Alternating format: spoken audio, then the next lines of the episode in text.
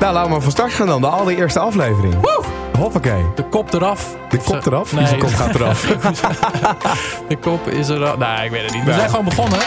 Ik was wel een van de eerste die eh, een kookboek had eh, op het gebied van gezond eten. Dus het is niet dat je elke dag kip en broccoli alleen maar hoeft te eten om gezond Nee, te zijn. klopt. Je kiest gewoon per keer wat je wil en wat gezonder is. Zolang jij meer gezonde keuzes maakt dan ongezonde keuzes, zit je al op een gezond traject. Het klinkt allemaal zo, zo Ja, ingewikkeld. ja, ik word er nou, soms helemaal gek van, jongens. Ik vreet nog liever de hele week een kapsalon op... dan dat ik mijn weegschaal ga kopen zo meteen om daar mijn eten op te, te gaan wegen. Gezond Verstand, de podcast.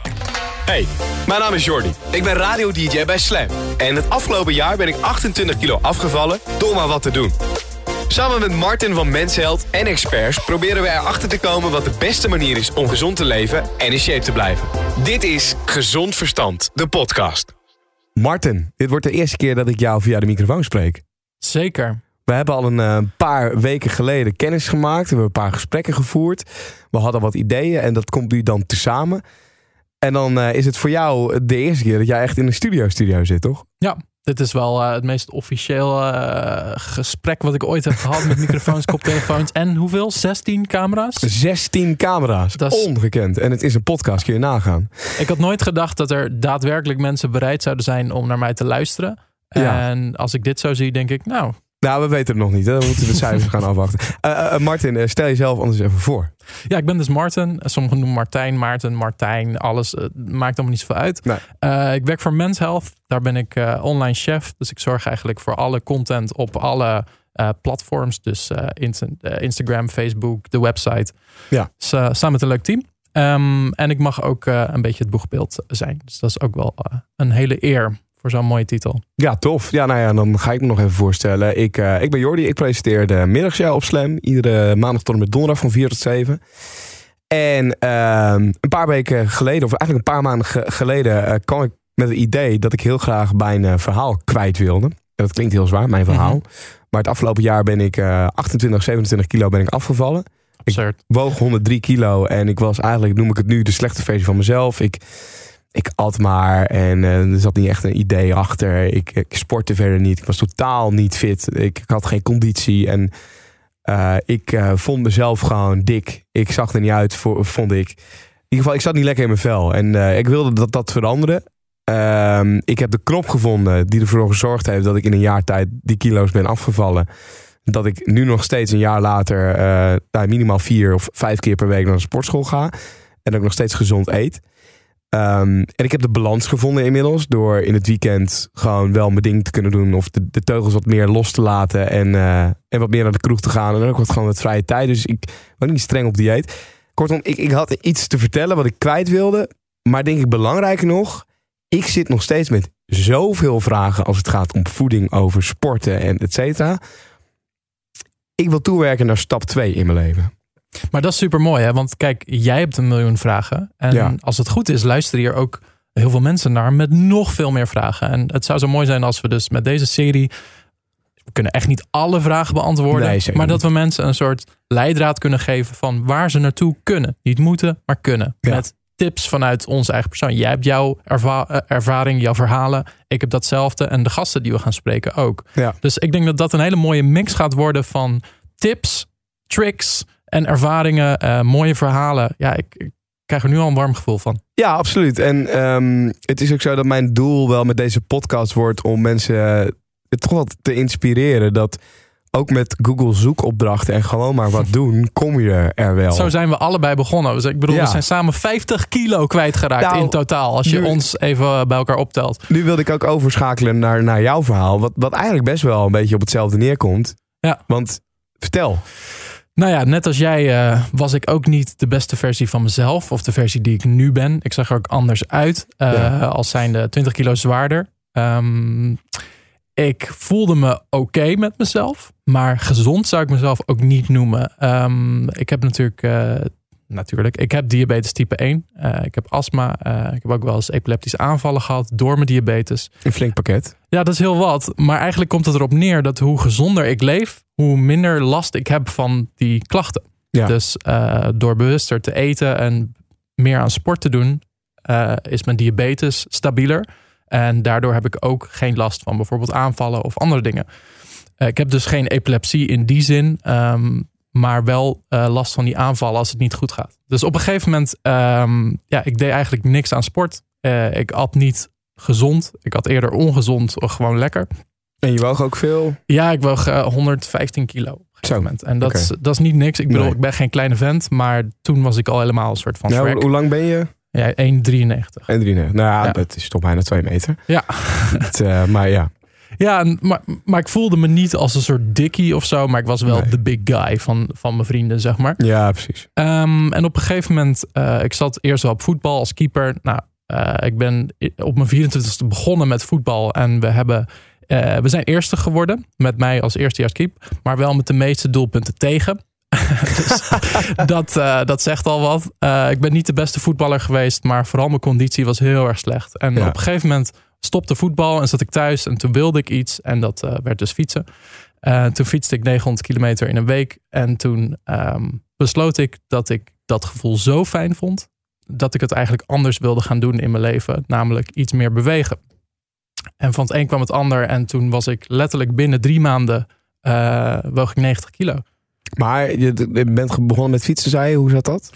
Ja, ik, ik zat thuis en ik had tijd over. En ehm, ik besloot eigenlijk een rondje rond het IJsselmeer te fietsen. Dus eh tentje mee achterop. En, dat is eh, heel bijzonder voor iemand die niks met sport deed, toch? Klopt. Maar ja, fietsen kan iedereen. Er, er zijn altijd sporten die, ook al ben je niet per se een atleet, kun je toch doen. Maar er zat bij jou niet een, een eh, blokkade of zo? Van, Nee. Er, wat sommige mensen hebben, een soort Eureka-moment van, oh, en toen was ik het zat en ik zat thuis met de fles Ja. drank. op. Dat heb ik niet. Eh, ehm, ik had slechte bloedsuikers altijd. Ik had altijd ongezond. mhm. Ehm, en ik merkte gewoon toevallig, terwijl ik dat fietstochtje ging doen, dat ik betere bloedsuikers had. En dat ik me lekkerder voelde en dat ik ja, gewicht begon te verliezen. Binnen een week was ik gewoon al afgevallen en gedefinieerder geworden in mijn benen.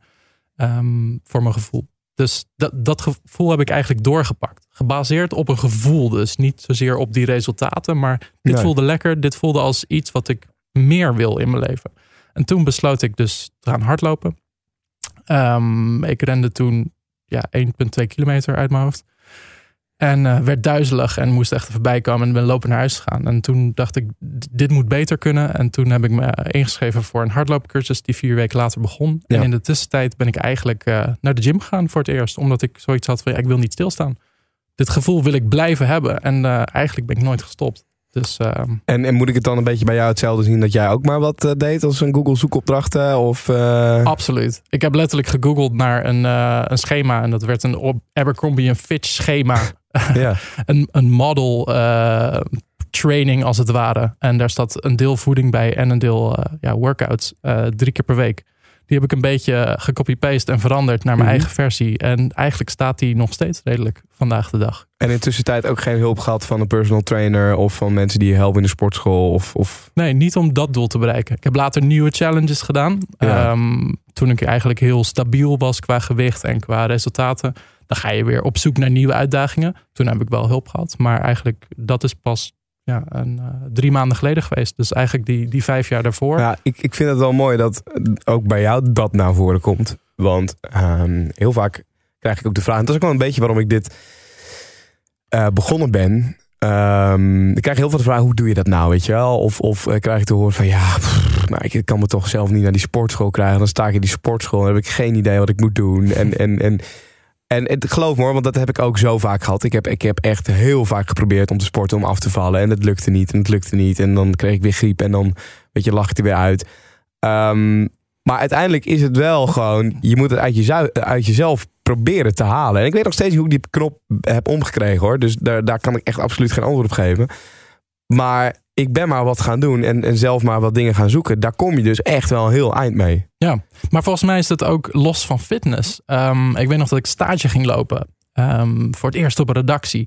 Toen kwam ik ook al vrij gauw tot de conclusie dat iedereen maar wat deed in Ja. het professionele. Ja. En degene die het beste probeert en de beste resultaten boekt met maar wat doen, die krijgt als het ware de baan. Ehm, maar het is niet zo dat iedereen van tevoren al perfect klaargestoomd is voor een functie. En zo is dat ook met trainen. Niemand weet van tevoren exact hoe het gaat worden. Maar je doet gewoon met het beste, het gezonde verstand, ga je te werk. En dat is een beetje waar deze serie over gaat. Ja, en in deze serie eh, nemen we vijf afleveringen op, vijf, podca vijf podcast. eh, met eh, iedere aflevering een expert die aanschuift. Dus iemand uit, uit het werkgebied. Ehm, dat Kun is... je, kun je al namen verklappen? Ja, zeker. Nou ja, mensen zien al aan de titel van deze dat het, dat het Rens Kroes is, deze aflevering. Wat, wat we heel tof vinden, omdat Rens heel veel ervaring heeft. eh, vijf boeken heeft geschreven. Ehm, is begonnen, die heeft gewerkt bij een obesitaskliniek. Sociaal-pedagogische hulpverlening heeft ze gedaan. Eh, ze heeft de powerfood term heeft ze bedacht. Volgende week hebben we Marijn te gast. eh, bodybuilder. Ehm, als die wat over voeding weet, nou, die weet gewoon heel veel over voeding. Ja. Eh, die gaat Hij, ons hij is wel meer dan alleen bodybuilder, wil ik even toevoegen. Want in principe bodybuilder ben je als je aan wedstrijd Ja, meedoet. ja. Hij kneedt zijn lichaam tot een ultieme vorm die hij mooi vindt. Ja. Ehm, en ja, dat heet dan bodybuilding. Maar hij is wel gewoon een gezond voorbeeld van een, van een, een man die weet te genieten en zichzelf eh, weet te precies. verbeteren. Ja, nou ja, en, Voordat er misverstanden ontkomen. Nee, maar dat is goed dat je dat zegt. Eh Rens Kroes schuift vandaag aan bij de aflevering die gaat over het begin. Dus iedereen af, iedere aflevering heeft een, een onderwerp. Vandaag het begin. Hoe gaat die knop om in je hoofd en, en hoe hou je het vol en dergelijke. Is het een levensstijl van dieet? Volgende week gaat de aflevering met Marijn over voeding. Dus eh, wat zijn slechte koolhydraten, goede koolhydraten? Wat houdt het in hemelsnaam allemaal in? Eh, dan hebben we nog aflevering 3 met JJ Boske, die aanschuift over, over trainingen. Wat kun je nou in de sportschool gaan doen? Eh, wat bereik je ermee en wat wil je bereiken? En misschien wat jouw link is met JJ Boske en dit hele gebeuren waar we nu voor zitten. ja, dat klopt. JJ heeft wel wat te maken met, met Ja. deze omschakeling. Dat is wel leuk om even te bewaren. dat verhaal. Ja. Ehm, en aflevering 4, eh Sunnery James, die aanschuift. En eh, hij komt vertellen over hoe, je, hoe hou je het in hemelsnaam vol met een druk ribben. Die, die jongen die toert met Ryan de hele wereld over als, als DJ-duo. Ehm, maar hoe hou je het dan vol om super fit te blijven? Want ik weet niet of je hem Ja. eens gezien hebt, maar die man die is echt een, eh, eh, afgetraind. Die staat Ik op heb de cover cover liggen. Nou, eh, voor de mensen die kijken, wat, wat, die kunnen het zien. Maar de, de Ja. mensen die luisteren, wat zie je voor? Nou, gewoon echt een prachtige brede schouderpartij, een prachtige borstpartij. Maar vooral een enorme glimlach. Exact. En, eh, Ehm, dat dus hij kijkt ook echt gelukkig en tevreden met zijn lichaam. Dus dat is wel inspirerend. En aflevering 5 hebben wij de Q&A. En ehm, daarvoor kun je luisteraarsvragen. We, we zijn op zoek naar luisteraarsvragen. Dus zit jij deze podcast te luisteren en heb je een vraag? Je kunt hem altijd eh, stellen aan ons. Door gewoon even een, een berichtje te sturen op Instagram. Eh, jouw Instagram, Martin? Dus Martin de Jong, dat is M-A-R-T Griekse I-N de Jong. Ja, en ehm, die van mij is Jordi Warnes. En dan J-O-R-D-I en dan gewoon Warnes. Erachter stuur ons even een DM'tje, een berichtje of whatever met jouw vraag erin. Want dan gaan we hem eh, proberen te stellen aan echte experts in, eh, in aflevering 5. Dat zijn eh, voedingsdeskundigen, sportpsychologen. We, we schakelen alle kanalen in om antwoord te geven op jouw vragen. Dus stuur ze vooral in. Weet ons te bereiken, want daar zijn we naar op zoek naar die vragen die jij ook nog hebt en die, nog, ja, die je nog krijgt als je luistert. zonder vraag hebben we geen aflevering. Nee, Dus dat, dat we zijn kan. nu ook echt dankbaar als je vragen stelt. En wie weet dat je er ook nog daadwerkelijk wat aan hebt. Dus iedereen is eigenlijk een winnaar. Ja, exact. Nou, ehm, deze aflevering dus gaan we het hebben over, ehm, over het begin. Hoe is het nou ontstaan bij mij? Hoe is het ontstaan bij Martin? En hoe houdt Rens Kroes het allemaal vol? Eh, we gaan het hebben over eh, de lifestyle van Rens Kroes.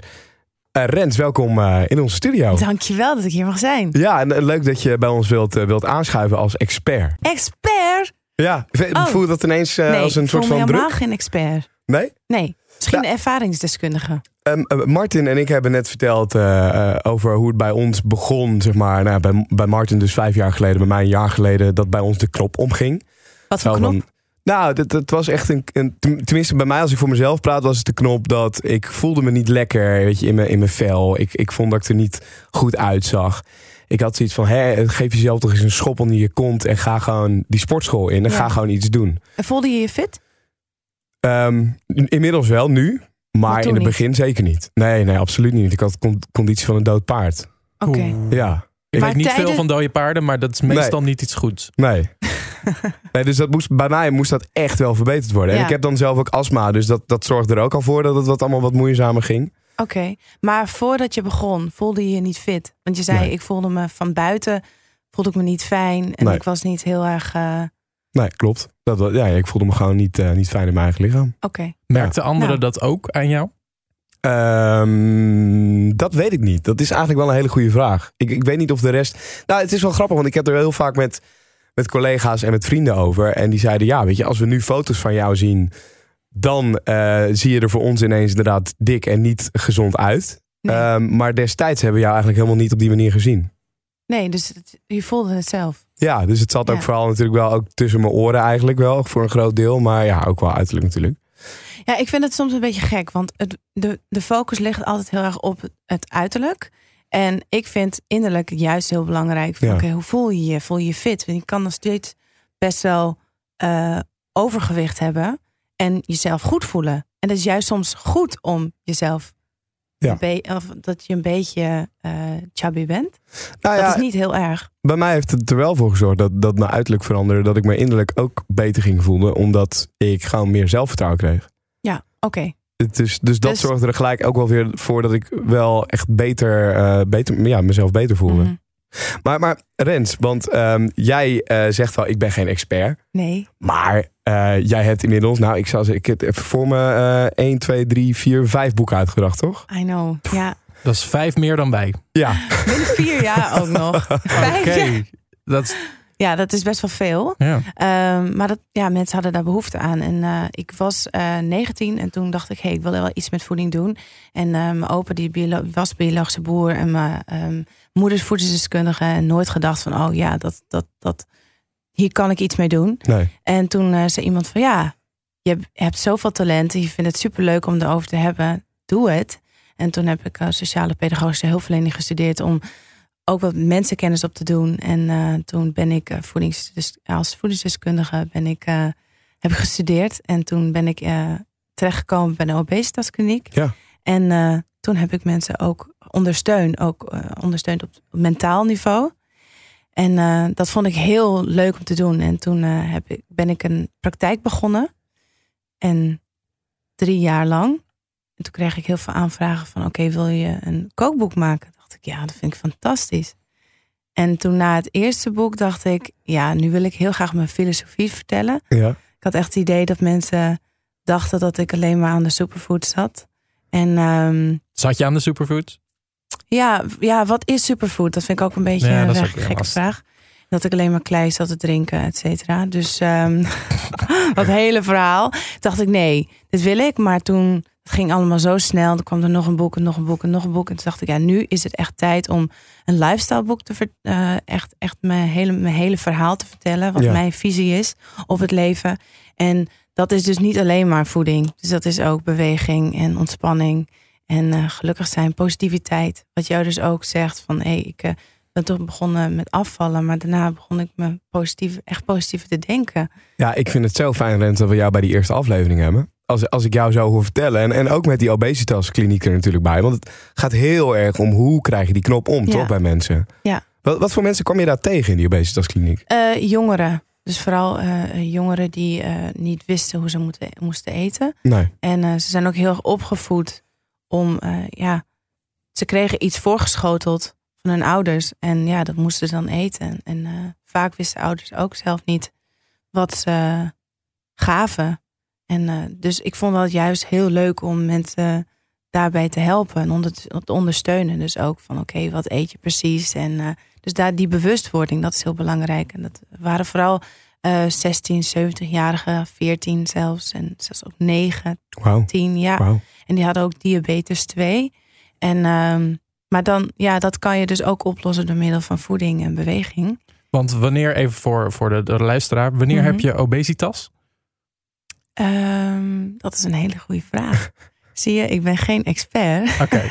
Want is Nee. het een bepaald gewicht? Ja, dat je Is het dan je BMI bijvoorbeeld? Of, Ja, BMI is ook best wel, vind ik ook best vrij lastig. Het heeft iemand, eh, een Belg heeft dat eh, volgens mij eh, ehm, eh, onderzocht. Van oké, Ja. als je dan zo zwaar bent en je lichaamsgewicht is zo en je lengte en dan vanuit daar dan krijg je een cijfer. Mhm.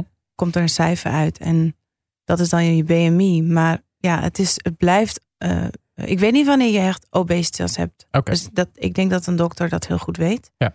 Ehm, Dus het was ook En niet dat jouw werd werk om dat ook vast te stellen. Jij hielp ze gewoon verder vanaf Ja, het ja. punt Nee, de dat dokter- dat- Het werd bepaald door de dokter. Je hebt obesitas. Mhm. Je kan naar een obesitaskliniek. En dan kan je daar eh, verder worden geholpen.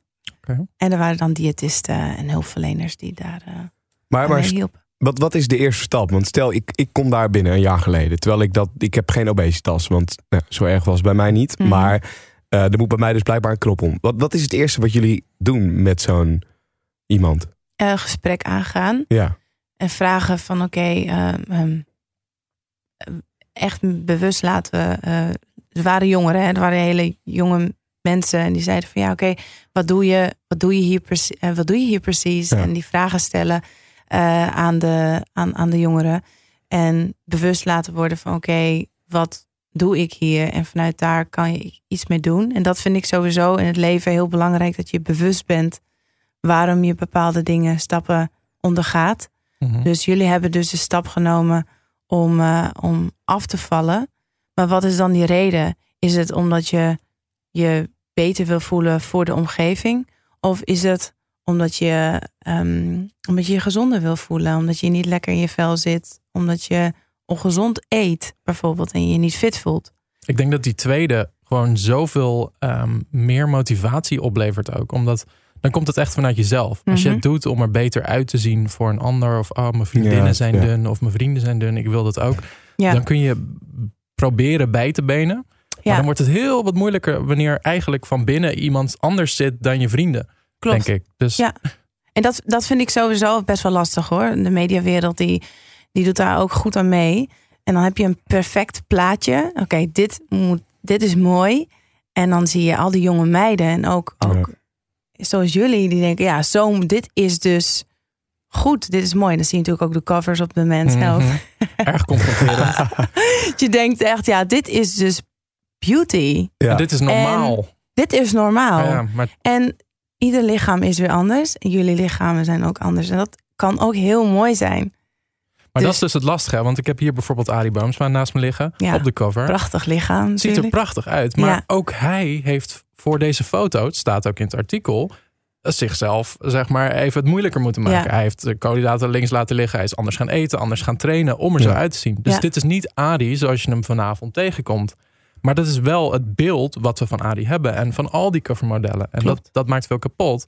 Dus vandaar, als je jezelf daarmee gaat vergelijken, dat is eigenlijk een onmogelijke strijd. Dus wat Jordi en ik hebben meegemaakt, is dat we onszelf niet aan het vergelijken waren, maar dat we dachten aan een betere versie van onszelf. Ja. En niet aan een Adi Boomsma worden of Maar wat ik daar ook. ook zo gek aan vind, als ik er nu op terugdenk. ehm, en, en misschien kan Rens die beantwoorden, maar het blijft een moeilijke vraag, denk ik. Bij mij ging op een gegeven moment die knop waar we het al een paar keer over gehad hebben nu, ging om. Mhm. Maar ik heb het zo, zo vaak geprobeerd. Ik ben zo vaak een sportschool ingedoken en dan kreeg ik een griepje te pakken en dan lag ik er weer uit. Nou Ja. en kom dan maar weer eens de volgende week van die bank af om weer opnieuw te gaan starten. Ja. Dat lukte mij niet. staat.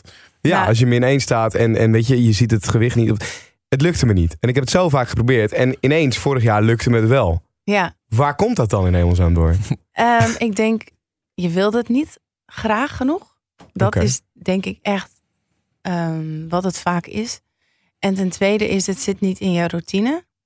Ehm, dus het kost gewoon heel veel moeite voor jou om in die routine te komen om te gaan sporten. Ja. Dus het, ehm, ik denk dat dat het vaak is. Ja. Dat is mijn antwoord. Ehm, mensen zeggen ook altijd van ja, een healthy lifestyle is zo moeilijk. Waar haal ik die ti- tijd vandaan?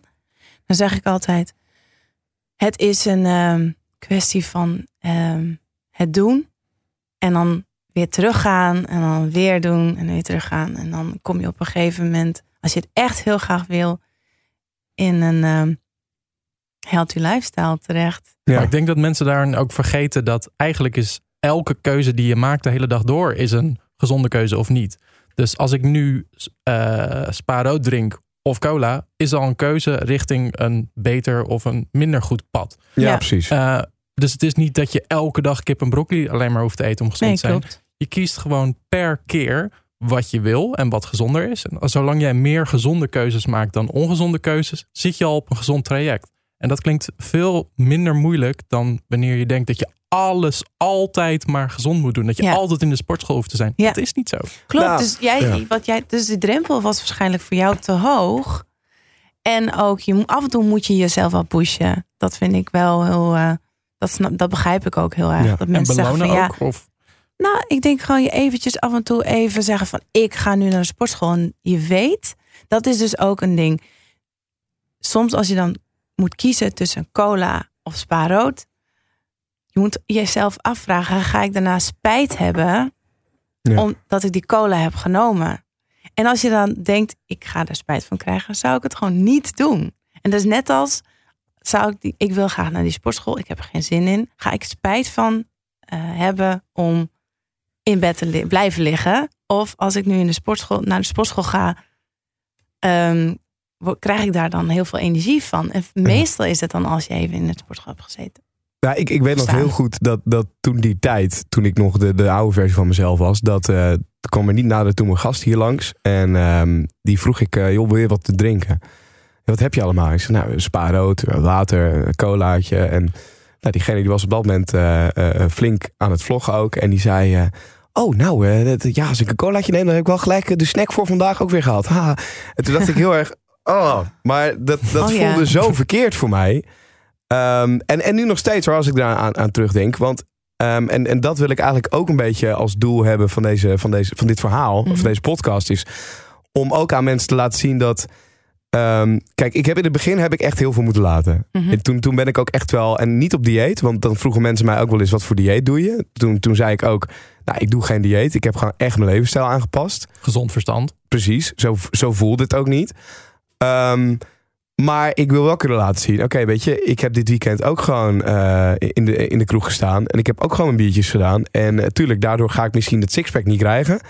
Ehm, maar ik sta deze week wel weer, vijf dagen sta ik weer in de sportschool. En eh, let ik op mijn eten. Vijf En, dagen. ja, nou ja, als het kan vijf. En het liefste, het liefste wel. Maar Als je veel zit, dan is het wel fijn. Misschien. Ja. ja.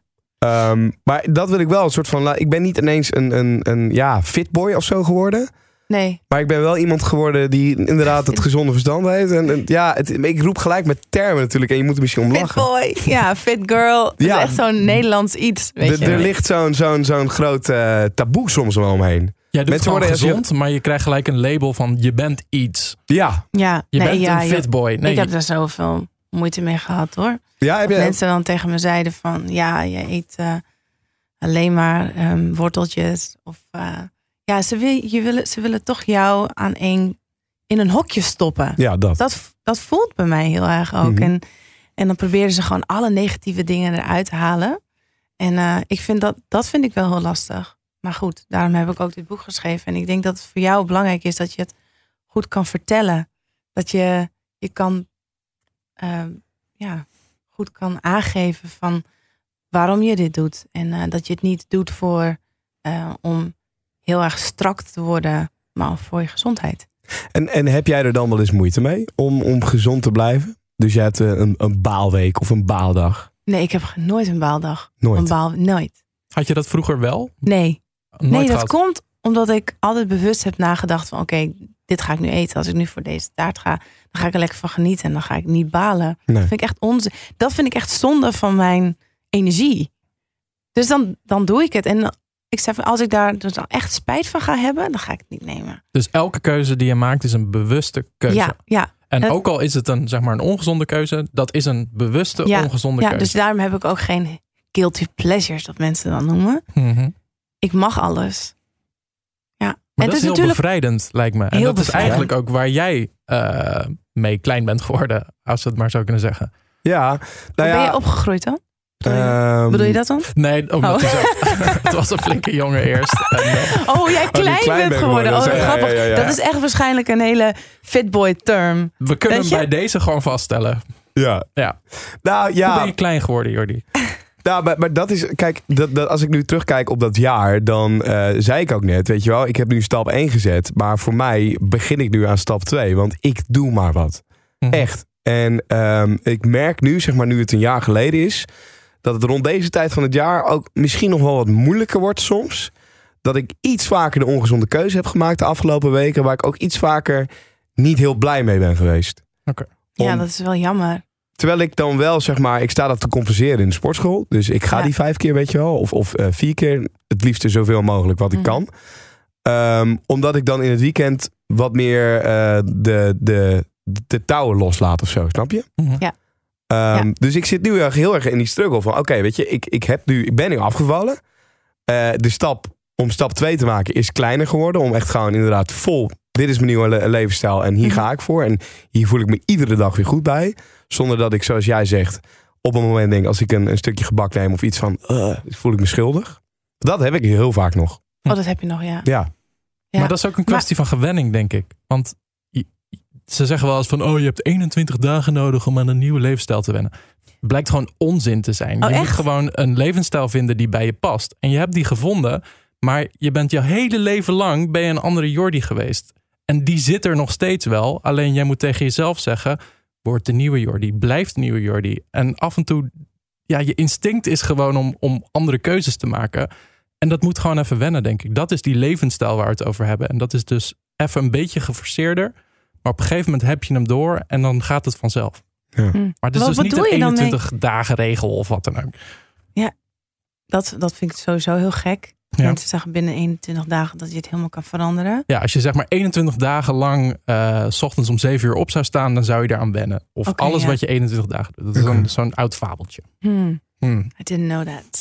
hey, maar jij zei van ik date maar wat. Maar heb je gewoon niet naar jezelf geluisterd? Gewoon naar je gevoel in deze Nou, periode? als ik zeg ik deed maar wat, dan, dan heb ik het over, ehm, oké, weet je, hoe eet ik eh, zo weinig mogelijk vet eh, en slechte dingen op een dag? Welk vet? Want er zijn ook hele goede vetten. hè? Ja, nou ja, en daarom ben ik blij dat we dus ook een onderwerp voeding gaan hebben. De- de- deze podcast is gewoon puur. Ik ga het zelf luisteren straks. Ik zet het helemaal niet online. Het is gewoon puur om even zelf. Het is eh, gewoon coaching voor jou vijf weken lang. Exact.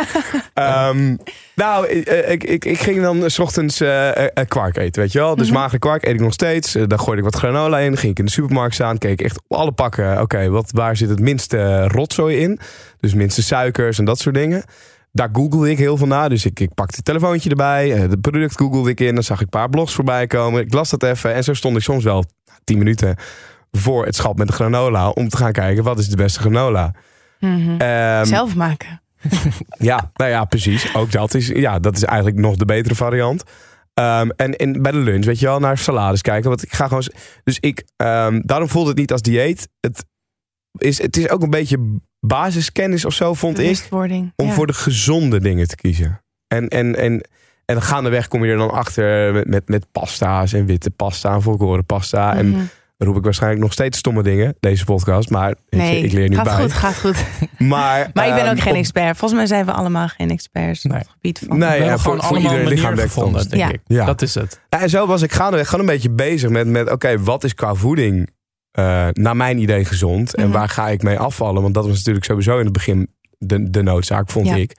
Om me beter te voelen. Ehm, en eh, wat doe ik dan in de sportschool? Ja, deed ook maar wat. In de, ik doe nog steeds eigenlijk stiekem nog maar wat in de sportschool. ik Wat doe, zit- je allemaal, wat doe je allemaal? Nou, en als ik een eh, training is. Ja, nu ga ik echt. Nu zitten er de mensen die, die, die komen hier via Mensheld, komen die podcast terecht. Die gaan nu iemand horen praten over zijn sportschema. En die lachen me helemaal Maar vierkant misschien uit. krijg je dan wel een personal trainer. Oeh. Nou, dat, dat zou wel lekker zijn. Nee, ik, Ja. ik, eh, ik ga 65 minuten fiets ik. Oké. Eh, en daarna pak ik zo'n 20, 25 minuten een rondje kracht. En dan ga ik die apparaten bellen. Kracht is heel goed voor hormonen. Hè? Is dat zo? Oké. balans te brengen. Ja. Nou ja, en, en, en, dat- en dan pak ik vier apparaten in totaal, denk ik. Maar ik sta ook niet in het krachthonk. Want dan eh, kom ik eh, van die spierbundels als eh, Martin eh, tegen. Ja, dat gun je niemand. En dat gun je niemand. Nee, nee, maar- Weet je wat het is? Jij zegt van, nou, misschien is het een slecht schema, maar het is jouw schema en hij werkt voor jou. Dus dan is het het beste schema wat er is. Want Ja, jij kan oké. hem dagelijks blijven doen zonder dat het je moeite kost. Nou, je je moet je wel leuk. blijven triggeren, vind ik hoor. Zeker, zeker. maar, maar hoe ziet het leven van jou eruit, Rens? Als jij... Dat, dat, wat, wat, Oh my god. ja, nee, ja, ja, ja, Koud douchen in de ochtend en zo. ja, maar, maar, maar qua voeding en dat soort dingen. eh, qua trainen of qua Eh, sporten, ja, fit nou, blijven. Ik eh, eet voornamelijk alleen maar powerfood. En dat is eh, onbewerkt eten. Ik heb die term zelf bedacht. En eh, ehm, ja, zo vers mogelijk. En dat is dus de basis. En dan, ja, daarnaast eet ik gewoon wanneer ik wat minder gezond. Ja. Dus het is maar geen dieet. wel vaak. Nee, geen dieet. Het is echt een levensstijl, een lifestyle. Maar als jij dan Jordi hoort zeggen van, ik doe maar wat. Doe jij ook maar wat Ja, met een bepaalde ja. kennis? Ik denk het wel. Oké. Tuurlijk, ja. Ik denk dat iedereen maar wat doet. Mhm. En of, of denkt dat hij heel goed bezig is. En, ehm, en denkt dat hij niet iets doet, maar gewoon echt iets heel goed doet. Mhm. Ehm, ja, maar ik heb wel. Ik, ik vraag wel vaak om hulp. Dus ik heb wel een personal trainer. Oké. En ehm één keer in de week. En ik eh, eh, vind het heel leuk om, om lesjes te volgen. Zoals eh Soul Cycle, Rose Cycle is dat in Ja. Nederland. En wat ik ook heel leuk vind, is Pilates. En dus dan doe ik wel, bijvoorbeeld heb ik dan, doe ik dan gewichten. En ik doe ehm, dus, dus krachttraining. Mhm. Maar daarnaast vind ik het ook heel fijn om eh, te, te blijven stretchen, om, om mijn lichaam lang te houden. Dus dat, daarvoor vind ik Pilates heel fijn. En, ehm, dus, en heel erg moe worden. Dus um, de conditie te behouden, doe ik dus Ja. heel graag eh, dus die Soul Cycle, Rose Cycle. Ehm, dus dat fietsen op een muziek, dat vind ik echt fantastisch. Dus echt Oké. 45 minuten lang alleen maar ehm, Genieten en afzien. fietsen op de maat. Oh, ja, tof. en genieten. Ja, is maar, echt heerlijk. maar ik denk dat, ze daar wel, dat je daar een mooi punt hebt. Je zegt, wat vind ik leuk? Ik vind Pilates heel leuk. Ik vind dit heel erg Ja. leuk. Ik vind dat heel... Ik hoor niks van, ik moet Nee. eerst drie kwartier dit. En daarna moet ik, of ik Nee. doe dit. Ik vind dit leuk. Maar dat is de sleutel, denk ik, voor iedereen. Klopt. Zoek iets wat je leuk vindt. Boeien wat die ene fitfluencer doet. Of wat die ander doet. Fuck wat zij doen. Kies wat jij denkt dat het beste is. Probeer het. Werkt het niet, pas je het aan. Maar zorg in ieder geval dat de eerste stap die je zet... in ieder geval al een beetje bevrediging oplevert. Denk ik. En doe het met vrienden, vriendinnen. Ook dat. Helpt ook. Maar, maar Martin, want, want jij, jij hebt vijf jaar geleden heb jij ook diezelfde stap gezet. Mhm. Ehm, wat, wat merkte jij dan het eerste jaar bijvoorbeeld? Ik merkte dat mensen me gewoon niet eens meer herkenden. Dat ik mezelf ehm, hetzelfde bleef voelen, maar er compleet anders uit eh, bleef zien, zeg maar. Ja. Dus ik, ja, ik weet niet, ik ging hele andere keuzes maken. Mijn, mijn kledingstijl veranderde, mijn haarstijl veranderde. Mijn hele uiterlijke voorkomen veranderde. En van binnen bleef ik gewoon Dezelfde. Martin. Ja, dezelfde persoon. Ja. Echt Ehm, waar? Dus Ja, je dus bent niet veranderd. Eigenlijk nog steeds niet. Als ik nu mezelf Mhm. zeg maar zou moeten tekenen, zou ik mezelf tekenen als de persoon die ik toen was. En dat vind ik nog steeds een beetje gek. Dat ook al verander je van buiten, je, je zelfbeeld blijft een beetje Oh. achterlopen. Tenminste bij mij dan. Ehm, en, en ik heb nog niet het idee dat het is bijgesteld. Of dat Misschien het, is het te snel gegaan dan? ik denk het. Maar ja, we zijn nu vijf jaar verder. En eh, het is geen probleem, want ik voelde me toen oké met mezelf. Mhm. Ehm, dus, dus in die zin hoeft het ook niet aan Maar te waarom passen. ben je dan afgevallen? Ja, het gebeurde eigenlijk. Ik, ik, ik vind ehm, dingen doen die niet bij me passen, vind ik heel erg leuk. Eh, ik kies eigenlijk elk jaar, eh, maak ik een lijstje met dingen die ik niet kan en die ik dan wil doen. En daarmee word ik een soort andere versie van mezelf. Dat is een goeie. Een soort uitdagingslijstje. Dat is leuk. Van oké, Ja. ik ben totaal geen hardloper. Dus ik ga hardlopen. Oh, ik ben totaal geen zwemmer. Ik ga op zwemles. Dus zeg maar, op die manier maak ik domme keuzes. En dat zijn domme keuzes als in het levert je eh, in het begin weinig voldoening op, omdat je er heel erg slecht in bent. Maar het traject is zo lang dat je onderweg zoveel voldoening en plezier vindt, omdat je er steeds beter in wordt. Dat nou, het soort het mooiste terrein om, om in te gaan spitten, zeg maar. Ja. Vind ik. Dat is misschien ook wel een, een leuke. En, en ook wel eentje die ik herken. Als in, ehm, in het begin denk je wellicht, waar begin ik in hemelsnaam? Weet je wel, ik, ik, ik Ja. weet toch niet wat ik moet doen in die sportschool. Ik moet toch iemand, ik moet een personal trainer hebben. Oh nee, dat is voor mij te duur, dus dat, dat ga ik niet doen. Het, maar hoe begin Maar ik ben op een gegeven moment, zie ik het ook een soort van experiment of zo. Ja. Als in, oké, als ik dit doe, als ik dat eet, dan eh, sta ik over een week voor de spiegel en dan zie ik dit, dat er dit veranderd is of zo bij wijze van. En iedereen heeft andere voedingsstoffen nodig. Hè? Mhm. Dus ook andere voeding nodig. Sommige mensen kunnen gewoon niet goed tegen, tegen te veel brood. En anderen vinden het vervelend om te veel eh, rijst te eten. Of andere soorten producten. En iedere darmen, alle darmen zijn ook verschillend. Mhm. Dus toen had ik ook een praktijk voor drie jaar. En kwamen er al verschillende mensen. En dan had hij gewoon niet één voedingsschema. Dat kan niet. Nee. Maar ik, want ehm, over, over jouw boek Powerfood ook, dat 2014 eh hebt uitgebracht. Ja, Daar staat als disclaimer in, dan lees ik even voor. De lezer wordt ervoor gewaarschuwd dat het misschien wel even zal duren voordat je aan een nieuwe gezonde levensstijl gewend bent. Ehm, duurt dat lang? Heb jij dat. Wat, wat, wat heb jij bijvoorbeeld? Heb jij van je lezers iets teruggekregen destijds? Die zeggen van nou, duurt dat bij mij wel heel- even, ja. nou ja, vooral dat het heel veel tijd kost. En ehm, dat is vaak dat ik, eh, Om te doen ik terugkrijg. of om voordat je verandering ziet. Ehm, om het te doen. Dat kost veel tijd. Ja, Dus ja, dus ook dus die verandering. Die, oké, ik ga nu in de keuken, ik ga nu in de keuken ehm, koken. Mhm.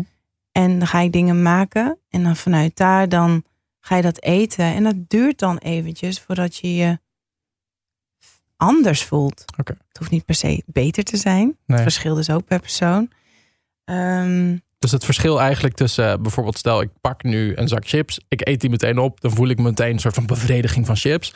Terwijl misschien als je gezond eet en je kiest broccoli, dan heb je niet die instant beloning, maar dan duurt het eventjes voordat je ziet wat het met je lichaam doet Ja, en met je soms gevoel. wel. Een beetje Ja. op die manier? Ja. Oké. Ja. Ik vind het een goede disclaimer trouwens hoor. En ik vind dat dat het eigenlijk iets te weinig gebeurt. Dat eh, mensen denken een soort universeel plan te hebben Ja. gevonden. Of een, Maar dat is ook methode. commercieel gezien, hè? Goed.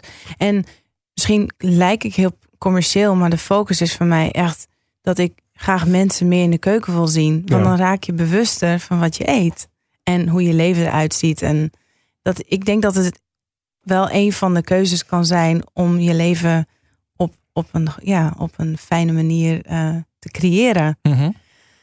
Maar zou Eh. het boek ook kunnen heten... Ik doe maar wat. Dit zijn de beste methodes die ik heb gevonden. Ja, het kan. Dus, maar ik heb het Zeg maar, mijn lifestyle guide gedaan, hè?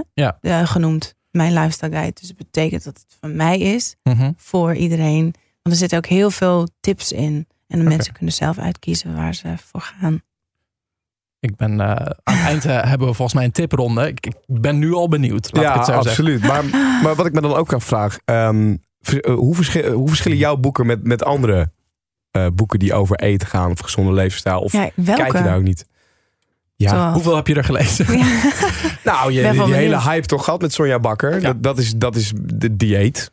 Sonja Bakker is nog steeds heel best wel populair hoor. Maar dat komt omdat alles verkrijgbaar is.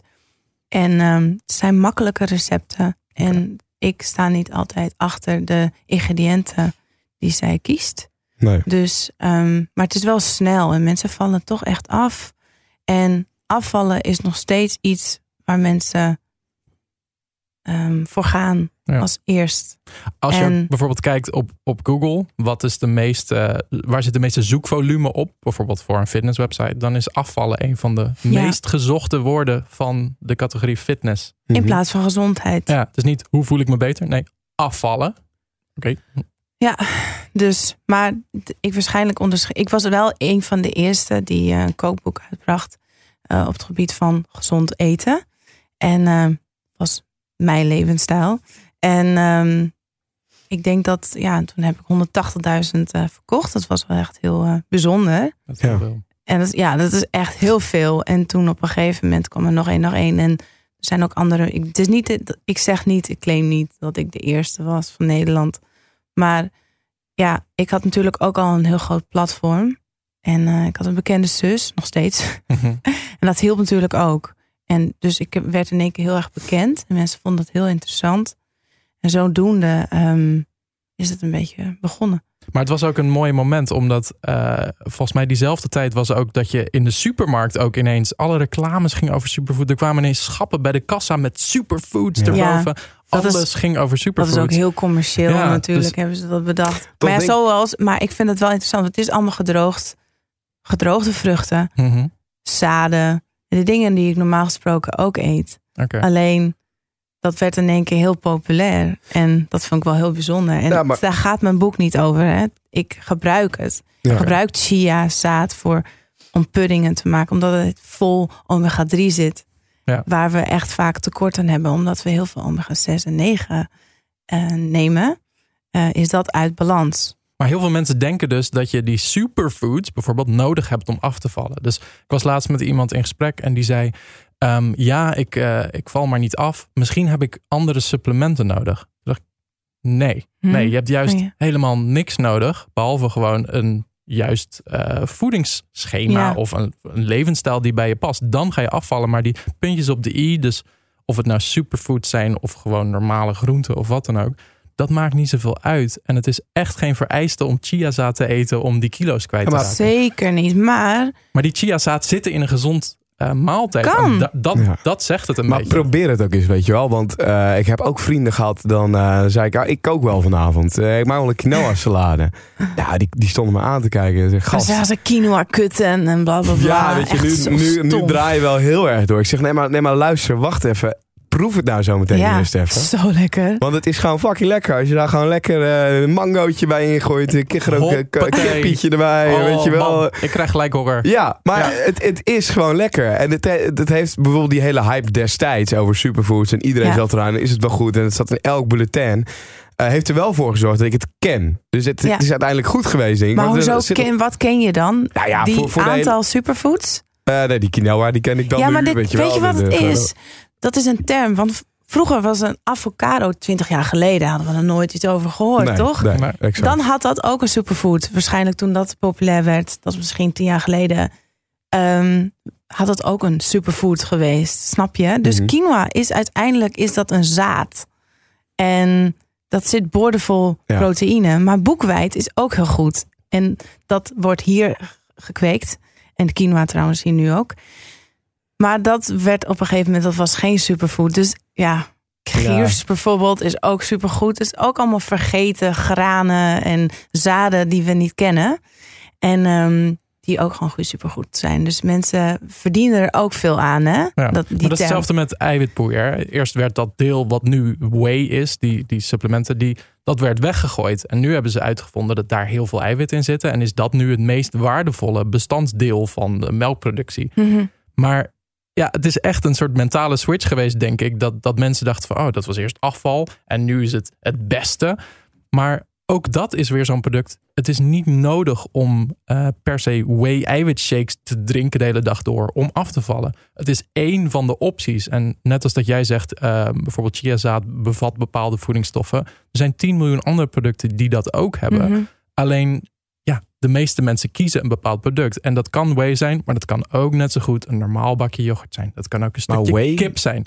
ja, is dat, is dat? eiwitpoeder. Dus eh, zo'n eiwitsupplement Ah, ja. waar je dan shakes van maakt. Oké. Het is dus niet per se een beter product dan andere bronnen van eiwit. Nee. zeg maar. Dus het is niet, ik probeer eigenlijk gewoon te zeggen dat het niet een vereiste Ja. is dat je die dingen moet eten om tot een bepaald doel te komen. Het Maar zijn- denk je ook dat heel veel mensen eh, nu...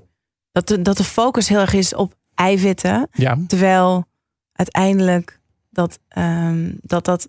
Is dat heel erg belangrijk? Is dat zeg maar de belangrijkste... Enerzijds wel en anderzijds niet. Als ik zeg maar kijk naar mijn levensstijl nu, ik zorg dat ik genoeg eiwitten binnen heb. Ehm, en daar, daaromheen eet ik eigenlijk redelijk vrij. Dus ik zorg dat ik eh, eiwitrijk eet, want ik sport heel zwaar, echt heel zwaar. Maar wat is dan eiwitrijk? Want is- in groenten zit natuurlijk heel veel eiwit. dat vergeten mensen. Dat ik bij elke maaltijd minimaal 20 gram eiwitten heb. En dat ik na een training en voor een training eh, dat nog ietsje ruimer neem, maar dus ook verplicht eiwit erbij. Maar verzuurt het lichaam niet dan? Als je te veel eiwitten neemt? Ehm, nou, dat zou dus bijvoorbeeld kunnen. Stel, jij bent lactose intolerant en dat je de hele dag door yoghurt zit te eten. Dat werkt misschien niet voor jou, omdat je dan een opgezwollen buik krijgt. Maar dan kun je dus variëren. Oké, ik heb vis, ik heb groente, ik heb kip. Je hebt En- natuurlijk ook veganistische Ja, ook dat nog. proteïne. Dus je, je moet wel zorgen dat je een veelzijdigheid aan eh, bronnen binnenkrijgt. Want als je maar één product kiest, stel je eet alleen maar kipfilet de hele dag. Ja, tuurlijk, dan bereik je wel je doel qua eiwitten. Ja. Maar of het dan een gezonde manier is, Zo, nee. ik, ik, Het klinkt allemaal zo, zo Ja, ingewikkeld. ja, ik word er nou, soms helemaal gek van. Jongens, oh, weet je wat we gewoon moeten doen? Vers eten. En Ik- zo gevarieerd mogelijk. nou, ik ben wel it. blij dat, dat, dat, dat, dat jij, Rens, eh, een soort van paniekkreet ook ineens nu ineens hebt. Wat, wat hoor ik allemaal voorbij komen? Ja, dat het is dat heb echt ik zo ook. ingewikkeld allemaal. Ik snap, ik snap wel eh, wat het verschil dan is nu zeg maar tussen Martin en mij. Als in, in ehm, jij bent echt een heftige sport en jij, je wilt ook met resultaten qua spieren neem ik aan. Gewoon een, een goed lichaam en of... Want, ja, want niet per se. Ja, ik heb jouw lichaam gezien. Deel. Laatst, volgens mij op Instagram of zo. Toen Ja. dacht ik echt, what? ja. Ja, hij staat erop. Maar ik moet zeggen, ik, ik heb volgens mij in de afgelopen vier jaar heb ik eh, één keer per jaar een post waarop mijn lichaam te zien is gedaan. En de rest gebeurt eigenlijk De rest allemaal is onder mijn gewoon shirt. slap. En ik sta elke dag.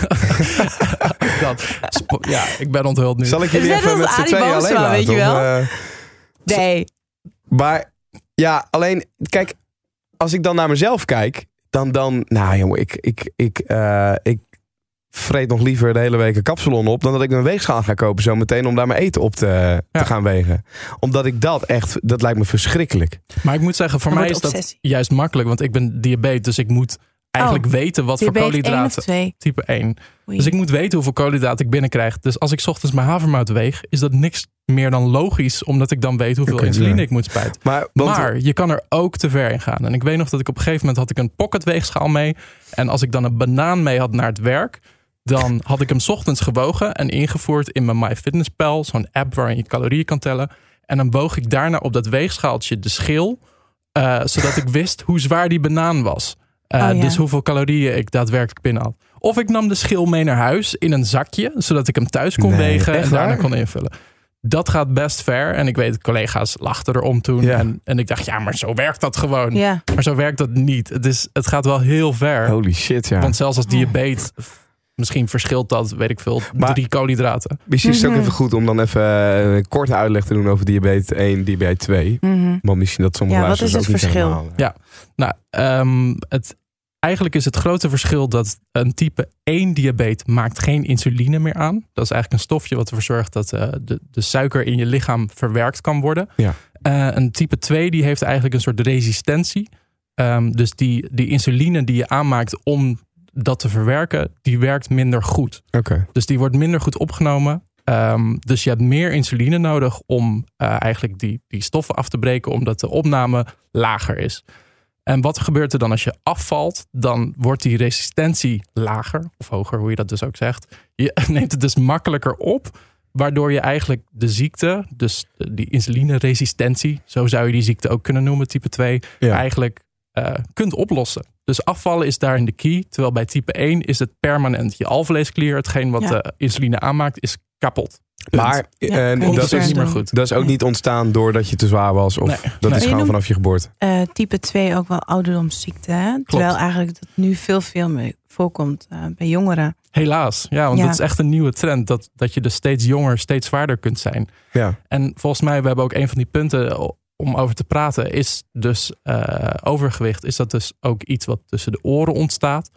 Als je een beetje de cijfers bekijkt, ehm, lijkt het er wel op dat het steeds vaker voorkomt. Maar is het dan een lichamelijk iets of is het dan een psychologisch iets, waar- een soort cultuurdingetje Ja. dat mensen steeds vroeger Nou ja, en het is, worden? oh, alles is verkrijgbaar. Zo ongezond allemaal. Nou, Je ziet, ik vind het Ja. wel hoor. Het maakt het ons heel moeilijk. Ja. nou, en het En wordt ik vind echt dat de overheid iets mee moet doen. zeker. En het wordt ook erger. En oh, er komt het bloed onder de nagels vandaan. Als je dan een reep met goed bezig in de Oh ja. supermarkt ziet liggen. Ja, dat is dus dan inderdaad eh, waar ze dan op inspelen. Ja. Maar ik vind echt de overheid hier iets eh, aan moet doen. Ook eh, de belasting dus wordt verhoogd op Mhm. groente en fruit. 9% eh, in januari. Ja, dat is bizar. Vind ik echt verschrikkelijk om te horen. En Precies dan krijg ik dat. ook- tegenovergestelde. Ja, want het is, kost ook meer geld, vers eten. Mhm. Hoe dan? Ja. Ja, dat was het, het grootste waar ik ook achter kwam. En, en wa- waar ik ook achter kwam, omdat ik op pakjes ging kijken in de supermarkt en dergelijke. Je hebt van die, van die kant-en-klaar smoothies in, eh, in, eh, in de, in de ga- schappen staan. Er staat dan eh, in in het Engels op onschuldig. Hm. Maar je kijkt achter op die verpakkingen en er zit gewoon meer suiker in. En, en dat, Ja. Het Mag, is- Ja. mag ik een mooi voorbeeld Toch? daarvan geven? ja, Ik heb een collega, ik zal zijn naam niet noemen, Gino. En eh, hij, hij kwam op een gegeven moment op het werk en hij zei: Is dit een goed ontbijt? Nou, hij had dus inderdaad een smoothie. En hij had een, zal het merk niet noemen, maar een plantaardig yoghurtje. Ja. Ehm, maar wel eentje met een smaakje aan toegevoegd. Toen gingen we even turven achterop hoeveel suiker hij die ochtend bij zijn ontbijt.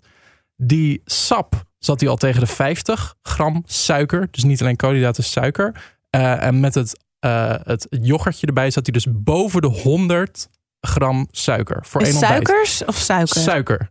Ehm, Maar het bizarre is dat beide producten waren voor hem een goed besluit. Hij kwam juist laten zien, ik heb het goed gedaan. Ik heb hier een smoothie, gezond. En ik heb een plantaardig eh, yoghurtproduct. Ja. Waren allebei bewust gezonde keuzes. Terwijl hij heeft eigenlijk het slechtste ontbijt gegeten... wat ik ongeveer kon voorstellen. Ja. Eh, qua klap aan suikers. En daar heeft hij nog eh, fruit doorheen gegooid om het extra Mhm. lekker te maken. En granola. Fruit is gezond, granola is gezond, plantaardige zuivelproducten zijn mooi. En toch was het, het het slechtste ontbijt wat je kunt voorstellen. Dus dat maakt eigenlijk een beetje een mooi voorbeeld van hoe lastig het dus is. Dat je zelfs Ja. met de, de bewuste keuze een Ja. slechte keuze kunt maken. Ehm, En maar mensen verdienen gewoon geld aan dit, hè? Mhm. Dus ze maken er gewoon lekker gebruik van. De marketeers van zeggen, ja, hey, eh, Ja. gezond erop zetten, dat is perfect. Ja, maar wat is dan eigenlijk de tip? Moeten we gewoon eigenlijk net als Jordi eh, zelf in de schappen het gaan lezen en opzoeken? Is dat ik dan denk de dat manier? gewoon dat, ja, dat denk ik. Maar ik denk dat we gewoon echt weer in de keuken moeten staan. Dus niet producten kopen met een barcode. Dat zou eigenlijk de, de soort beste keuze zijn. Dus zo gauw het eigenlijk in een verpakking zit met een barcode, zou je al kunnen zeggen Lastiger. van... ja. Ja. Of je moet echt echt product hebben wat, eh, wat, waar niet zoveel ingrediënten in zitten. Dat is het ook. Ja, ja, en zie je ik, die waslijst en denk je, ja, hallo. ik kijk zelf bijvoorbeeld heel erg naar, want ik, ik eet altijd op mijn werk eigenlijk. Ik, eh, ik maak mijn show tot 7 uur en ik wil dan rond nou, een uurtje of vijf eten, zodat ik ook na 7 uur gelijk door kan om te gaan sporten. Ehm, en ik eet dan heel vaak salades. Maar ik heb dan wel de stap gemaakt dat ik niet die maaltijdsalades pak. Ehm, maar je hebt wat, wat bij sommige supermarkten heb je van die vers salades. En dan kijk heel erg, oké, wat zit er allemaal in een bakkie? Niet zo heel veel. En er is allemaal in plastic zeker ook. Dat, dat wel. Ja. Oeh, shame on je. En ik haal Nee, er nee, nee, maar ik vind het best bij, wel... maar- Waarom, waarom kook jij niet? Nou ja, omdat het hier dus tijdens mijn werk niet kan. Nee, maar je kan toch in de morgen, Ja, bijvoorbeeld, dat- ja. morgen, vanavond bijvoorbeeld. Ja. Vanavond maak je gewoon een gro- grote bak salade. voor Jordi hier. En dan heb, doe je het in de koelkast en neem je het mee. Ja, je en dan hebt is het, 100% doe je dat gelijk. in een fijn RVS bakje. Of, Bam. of eh, ergens bij, eh, bij de blokker kan je, dat, eh, kan je dat kopen. Of ergens anders. Het, het is En, eigenlijk, Ja, je het is eigenlijk gelijk. Dat eenvoudiger. maak je dan. En dan heb Ja. je het voor de volgende dag heb je weer. Dus Ja, het is eigenlijk ten eerste goedkoper. Het kost ietsje meer tijd. Maar je weet in ieder geval wat, erin, wat erin zit. En je, het zit niet in plastic. Je kan het ook Dus precies zo maken zoals je wil. veel duurzamer. ja, Misschien is dat de volgende stap. ja, maar ik, vind ja, het, dat, dat, ik denk dat ja, het heel... Fase 2. Dat Ja. is wel wat ik onder fase 2 versta. Oké. Dat, dat, nee, maar dat is wel. Dat, dat, dat zijn de dingen die de, voor mij eh, zorgen dat ik overga naar stap 2. Of zo in mijn hoofd. Mhm. Is, is dat gek? Nee. Dat is gewoon niet een soort van: oké, weet je, ik, ik weet nu. Ik ben nu afgevallen en ik sport nu. En in dat gedeelte ben ik gezond. Mhm. Maar het kan nog net even wat beter. Dat is toch mooi dat je nog ruimte te winnen hebt. Ja. Het is, zeg maar, heel veel mensen die denken dan van, ah, vervelend en ik moet dit nog doen, ik moet dit nog doen. Het zijn allemaal keuzes. Je Ja, kunt zeker. dit nog doen. Je kunt dat nog doen. Het betekent alleen maar dat je nog meer terrein te winnen hebt als je daar klaar voor bent. Ja. Dus als je niet klaar voor bent, hou je het lekker bij je bakje salades. Daar is echt niemand, eh, dat is echt geen slecht iets. Maar je kunt nog beter doen voor jezelf door een andere keuze te maken. Nee, maar als het lastig is, als het heel veel tijd kost voor jou om eh, die keuze te maken, welke salade moet ik halen, ik kopen. Snap je? Mhm. Ja, dit, dit, dit- ja, ja. Ja. Nou Maar ja, ja, het, is, eh, het klinkt ook best wel, als ik dan jou zo hoor, vijf dagen in de week moet ik weer naar de sportschool. Vind je het leuk? eh, de, het gevoel wat ik ervan krijg, dat geeft mij voldoening. Oké. Dat is het wel. Je hebt Ehm, waarschijnlijk nog nooit spijt gehad van een workout. Waar woon jij? nee. Ik woon in Hilversum. Dan heb je toch genoeg leuke ook sportlesjes en zo. Of Ja, vind je dat niet leuk? Nou, dit, is een goede vraag hoor, die je stelt. Want, want ehm, laat ik zo zeggen, als ik eh, die workout doe, dus ik ga dan, eh, normaal zou ik 's ochtends gaan, dat ga ik dus nu niet, maar dan zorg ik ervoor dat ik dan, dan nu vanavond ga. Ehm, en ik, ik ben daar klaar. En ik, want het- wat ik gewoon doe, ik zit op, die- ik zit op fiets, ik fiets. ehm, en dan kijk ik dus ondertussen of een video op YouTube of, of Netflix. Volgens heb ik die workout. Tijdens het fietsen. Ja, Dan ben je dus niet in het moment, hè? Dus dan, je moet, ik vind het wel belangrijk als je sport, muziek, muziek, je kan nog wel, denk ik. Maar als je andere dingen gaat doen, dan luister je niet goed naar je lichaam. En soms is het heel fijn om gewoon even goed naar je, even naar je spieren te luisteren. Mhm. Zo van, hi spier, hi, what's up? How you doing? Nee, maar ik denk dat het goed naar je lichaam luisteren is denk ik belangrijk. En dat je niet te veel afleidt om Netflix te kijken en zo. Dan denk je, oh, dan heb ik het maar gedaan en dan gaat het super snel. Ja, en wat kijk je ook, vraag ik me dan af. Is het dan een Eh, motiverende serie? Of... nee. Oké. Nou, Netflix wel wat minder hoor. Want daar ga ik door, de- daardoor ga ik heel snel laag in mijn energie zitten. Maar gewoon, eh, ja, YouTube-video's, gewoon van alles eigenlijk. Wat- maar dan denk ik dat het inderdaad een beetje uitzitten van de tijd is. Hm. Ehm, en, en eh, bijvoorbeeld... En ga je niet door het, door het uiterste? Ik word helemaal geconfronteerd. Ik kom hier zonder de tere ziel weer naar buiten. Ik had eh twee Oh, weken nee. geleden Nee, nee, nee, dat is niet waar. Maar... een fietstocht gedaan. En, en dat was... eh, ik moest tien uur op de fiets zitten. toen dacht ik, oké, wat kan ik allemaal opzetten? Wat kan ik doen om het leuk te maken? En het eerste uur dacht ik, Jezus Christus, hoe ga ik dit nog negen uur volhouden? Want het is zo saai. Maar op een Mhm. gegeven moment kom je in die soort fase dat je in je eigen gedachten verzeild raakt. En dan zie je eigenlijk alleen nog maar een horizon. En dan, en dan ben je in jezelf en in het moment. En voor ik het wist, was het negen uur verder. Had ik tien uur gefietst. Ehm, dat was niet gelukt met negen uur series kijken. Want ik, ik kan meestal een film al niet uitkijken qua aandachtspan. Maar dat fietsen ging. Eh, doordat ik net als Rens zegt, in het moment zat. Maar wie weet Nee, het- nee, want je was in je gedachten. Ja, Dan was je niet op het... nou bewust van het moment Oh, inderdaad. Dat bedoel ik. Ja, Oh. sorry. sorry. Maar, maar ja, Boze Rens hier in de studio. ehm, kan dat niet ook een soort van ontspanning zijn voor me? Ja, maar dat, wil ik net het. zeggen. Misschien is dit Misschien. wel jouw manier om het. Misschien wordt het ook nooit meer dan gewoon het uitzetten. En is dat niet het leukste deel van je workout? Kan. Ehm, er is niet één manier. Het is niet je moet dit of je moet dat. Maar voor mij werkte het inderdaad om echt in het moment te leven en het bewust mee te maken. Ehm, misschien is het voor jou juist makkelijker als je dat moment even een beetje passeert door in je gedachten ergens anders te zijn. Nou, maar Ja. kijk, ik, ik vind het wel leuk. Ik vind het, het is sowieso voor mij leuker geworden om te bewegen. Mhm. Ehm, dat ik sneller ja zeg op iets van, eh, kom je mee, ga je voetballen of ga je dit doen of dat. Zeg ik nu gewoon ja, want dan denk ik, hey, leuk, weer een workout. Dat. Nice. Oh ja, een soort van, oké, weer eh, hoef ik een dag niet... eh nou, nee, de dat niet. Nee, Oh, dat niet. Nee, dat is wel iets wat erbij gaat dan. Oké. Ehm, maar dit is wel, ja, ja, leuk. Het, ik eh, even bewegen en ik eh, ja, ben er ook nog goed mee bezig. Ook dat, dat idee. Ehm, en ehm, dat ik dan naar de sport, ja, dat ik die workouts echt een soort van afvink of zo ook. Ja. Omdat het me dan wel, kijk, ik voel me wat minder lekker die week als ik weet, oké, ik heb eh, deze week maar twee keer bij wijze van spreken die workout gedaan. Eh, terwijl ik het goed vind en gezond vind van mezelf om het wel drie, vier Ook als je stress hebt. En als ik stress heb, dan ga ik niet naar een workout. Ja, ik wel. Dan ga ik dan kom ik daar sporten. weg. Dan kom ik, ja, maar kom ik uit die workout en dan, dan ben Maar ik echt heel zen. veel stress. Als je gewoon echt moe bent, dan ga je Nou, juist als, trainen. ja, als, als, ik, eh, als ik frustraties heb over iets of zo. Oké, of, ja. of er zit nee, iets jullie zijn mannen, dus dat is ook iets anders waarschijnlijk. Ja, maar dan ga ik op die fiets zitten en dan kom ik die sportschool weer uit. En dan is het weer even... huh. Dus stel, stel ik sta op het punt, zeg maar, van van frustratie... om, om eh, dat te uiten naar iemand of zo. Mhm. Omdat hij dat wellicht veroorzaakt heeft in mijn ogen. Ja. Dan doe ik dat na dat uurtje sporten. Of dat anderhalf uurtje sporten, doe ik dat niet meer. Nee, nee, dat is ook wel goed. Maar het is meer dat ik denk, want ik heb mijn eigen bedrijf en ik, ik werk echt superveel. Dat op een gegeven moment dan, soms sta ik in de ochtend op en dan heb ik een lesje gepland. Dan zeg ik het soms wel af. Dan denk ik, ik gun het mezelf Mhm. om even te chillen. Dat is ook weer niet te streng voor jezelf zijn. Ik denk dat het ook heel belangrijk is. Dus met voeding, met beweging, met Ja. ontspanning. Moeilijk. Ja, ik Ja. In deze maatschappij leven, in deze drukke maatschappij, zoveel staan echt onder druk. We moeten er goed uitzien, we moeten gezond eten. Ja, absoluut. we weten het gewoon niet meer. Ik denk dat we vooral weer terug. Ik zeg, ja, ik vind het niet leuk om al te zeggen, ga terug naar de basis. Maar ik denk wel dat het belangrijk is dat we weer een, een basis moeten creëren om verser te eten. Ehm, bewuster na te denken, positiever. Hè? Dat is ook belangrijk. Po- Positieve gedachtepatroon eh, helpt hier heel erg bij. Af en toe gewoon vervelend voelen hoort er ook bij. Ehm, en lekker ontspannen. En leuke dingen doen. Ja. En lekker in de kroeg staan met vrienden. En lekker dansen. En daar een balans in te vinden. Het is heel moeilijk. Maar het is mogelijk. Ja, nou, daar ben ik zeker van overtuigd. Want dat, dat ervaar ik nu ongeveer een beetje.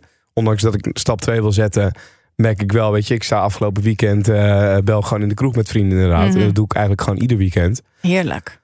Eh, ja, omdat ik dat, dat, dat genot nog wel zelf gun. Alleen Ja, eh, dan, dan zit er... dat is toch ja, heerlijk? Ja, tuurlijk, zeker. Come Maar, on. Weet maar je, dan- gewoon lekker even eruit en eh, op de dansvloer. ja. maar dan zie ik, dan, ik merk nu wel, als we het daar zo over hebben, dat, dat het bij jou en mij dus wel anders zit qua workouts die we doen. Want jij zegt, joh, als ik stress heb, dan gun ik mezelf het moment van rust. Nou ja, vooral als ik heel veel stress heb. Ja, als ik en een beetje heb. stress, Ja. stress heb, dan, Ehm, dan doe ik het misschien nog wel. Maar Terwijl ik heel erg denk van, oh, oh, wat een, wat een dag. Ik ga even naar de sportschool en ik kom daar weer beter uit. En, ja, jij ziet kom- stress anders. Maar misschien hebben we verschillende banen. En, ja, dat, natuurlijk dat natuurlijk ook inderdaad. En verschil moet er ook gewoon zijn. en Ja. Mannen, ik merk het. wel echt ook aan mijn vriend... dat hij gewoon af en toe even keihard moet gaan sporten. En dan is hij er weer. Of even in zijn eigen, zijn eigen holletje, noem ik Ja, dat. dat herken ik wel, ja. Heerlijk. En dan, dan is hij weer helemaal voor mij. Echt super. Een beetje man-eigen misschien. Ja, Ja, ik denk wel sowieso dat mannen zich even af en toe even moeten terugtrekken. Als jij, dat- dat- laat ik het zo zeggen, als jullie een, eh, een kater zouden hebben, Ja? zouden jullie dan wel of niet gaan sporten? Oh nee. Zeker. Ik, Jij nou, wel? Ja, ik heb nog Ja, nooit een ook. kater gehad. Dus dat is mijn... Oh, ja. dat is Oh, heb je mijn nog nooit een kater? het gebeurt gewoon niet. Ik kan echt zuipen wat ik wil. Echt mijn kop eraf zuipen. Oh, om zo te, en Maar jij bent misschien gebeurt. ook heel lang en Ja, groot. of kater brak dan, laat ik het zo zeggen. Ook Gewoon niet. een beetje dat je... Ik word echt, fris wakker. En dat is niet omdat Hoe ik gezond ben jij? leef. Ik ben 29. Ja, het is gewoon nog nooit gebeurd. nog. Maar het enige wat ik wel heb is een beetje spierpijn en ik ben uitgedroogd. En ja, ik moet wel zeggen, als je dan gaat sporten en je drinkt weer een beetje bij en je ruikt gewoon die soort alcohol uit je lijf trekken, dan voel je je daarna wel echt een stuk beter. Ik voel me fantastisch als ik gesport heb. En ik heb, als ik echt een kater heb, en het valt wel mee, maar gewoon me echt brak voel en dan gaan sporten en ik kom daar weer uit en dan denk ik, oh, Herboren. Ja. ja, Ik vind het heerlijk om heel veel te eten. ja, nou ja, ja. Ja, dat, dat en dan de volgende ik ook, dan denk ik, ja, dan de volgende dag dan ga ik gewoon maar weer gewoon een beetje. Maar als jij veel, als je, oh nee, dat is, dat is wel eens. Ja. Als jij dan veel eet op zo'n dag, als jij eens een kater hebt, je gaat veel eten, wat, wat, wat is dan voor jou veel eten en wat eet je dan? Ehm Ik ben geneigd om vet te comfort pakken. food. Ja, ook vet. Ja. Pizza, pasta. Wel, ja. Ehm, gewoon hele. Want je lichaam vraagt erom, want je hebt gewoon al gezond eh, gedronken. Ja.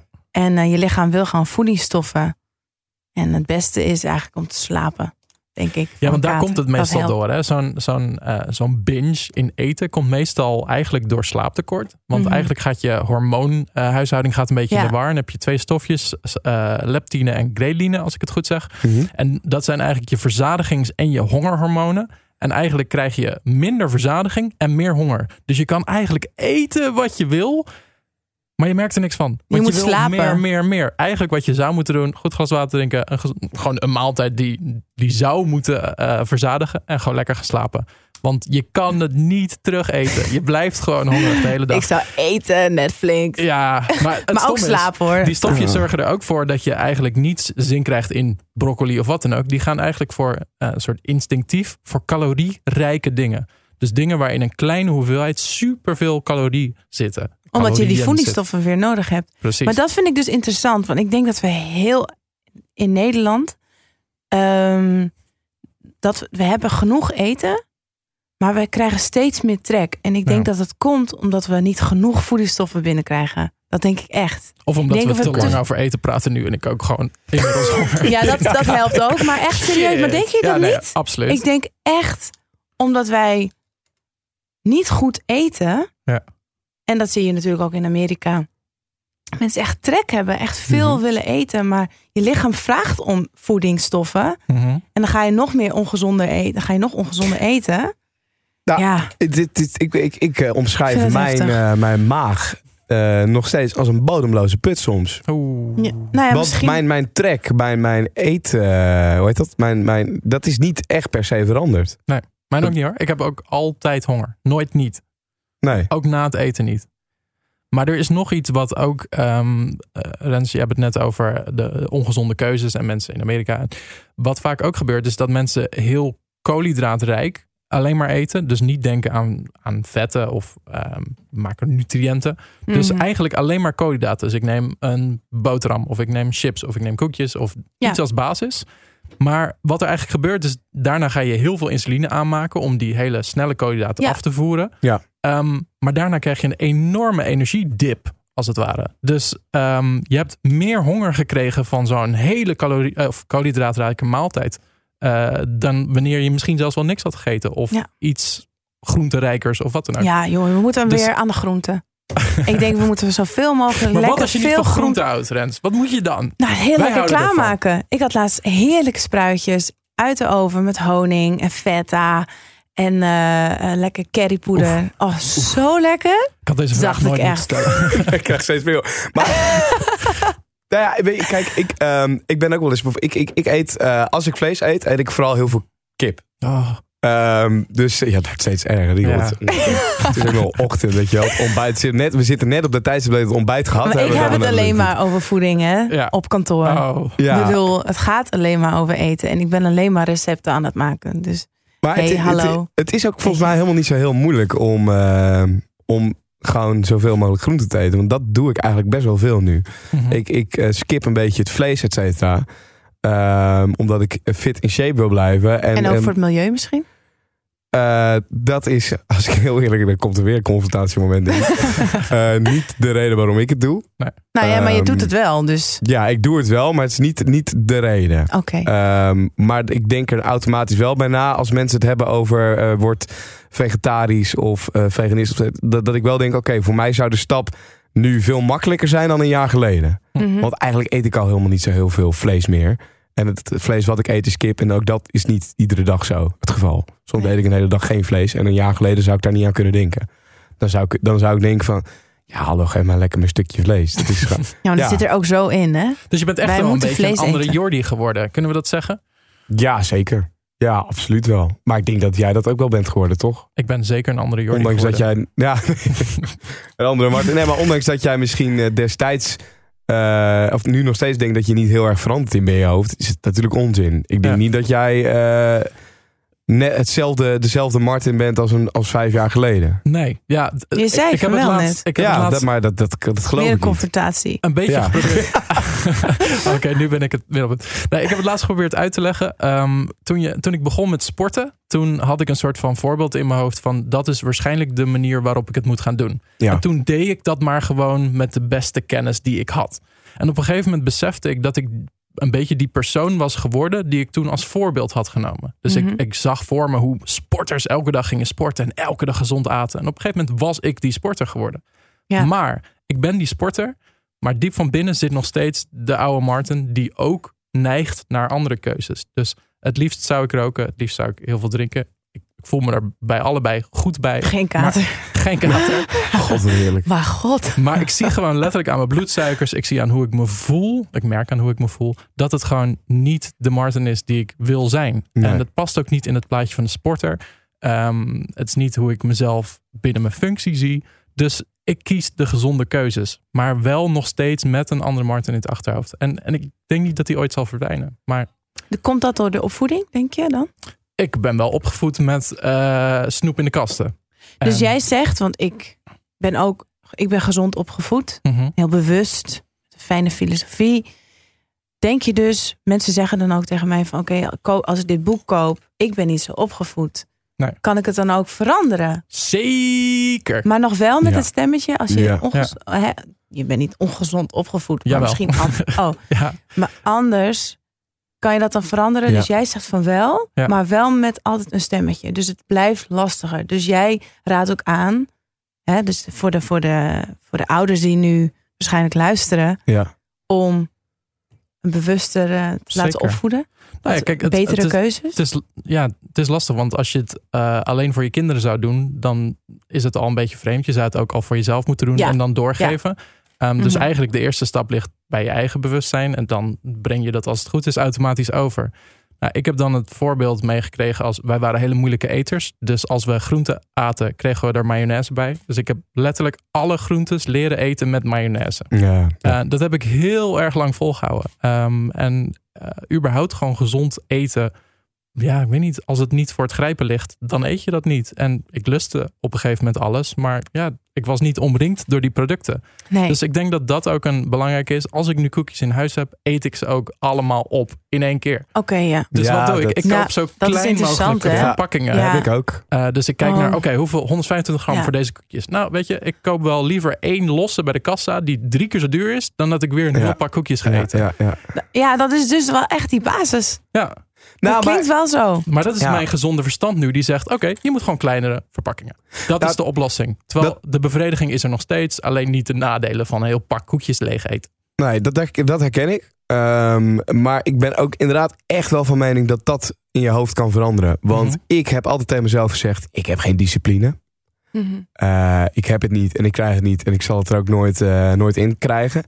Ik ga vier keer per week naar de sportschool en ik zorg ervoor dat het vier keer is. En anders minimaal drie keer. Ja. Ehm, Nu heb je het. En ik heb het. Ja. Dus ook dat Ja. zeggen heel vaak mensen. Ik heb geen discipline, dat gaat me niet lukken. Maar is discipline, ben je dan te hard voor jezelf?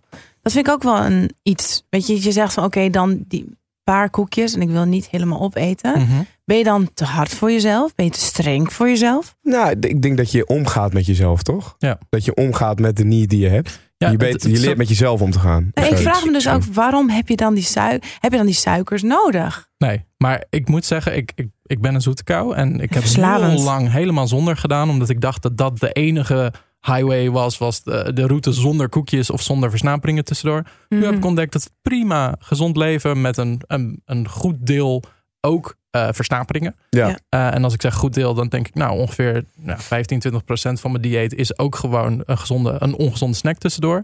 Ehm, maar binnen die ongezonde snack moet ik wel kaders hebben. Ja. Dus als ik, ik ben geen chipseter, maar stel ik zou een zak chips eh, kopen, dan eet ik hem leeg.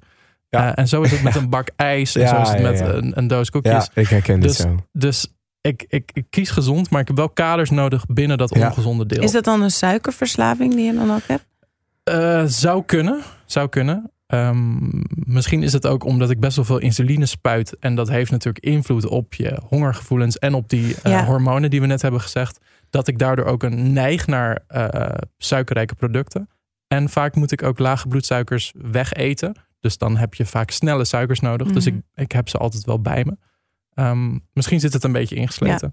Maar ik Nou, we geen worden gewoon verleid de Ja, maar hele ik- dag. Ik herken het ook met nootjes hoor. Als ik, als ik eh, in de kroeg ergens zit of ik zit thuis met vrienden en we doen een drankje, et cetera. Dat, dat bakje nootjes, dat kan niet groot, groot genoeg zijn. nee, dat, dat, dat, dat- daar blijf ik maar mee, mee, mee graaien. Oké, En hoe stop jij jezelf dan? Want wat, wat, als luisteraar, je, je herkent dit. Hoe zorg jij er dan voor? dat nou, je- als ik geen drankje op heb, dan neem ik het überhaupt niet. Mhm. Dus dan begin ik er niet Oké, eens aan. dus dan het is alcohol die Ja. jou dus Ja, zeker. verslapt dan Ja, of zo? absoluut.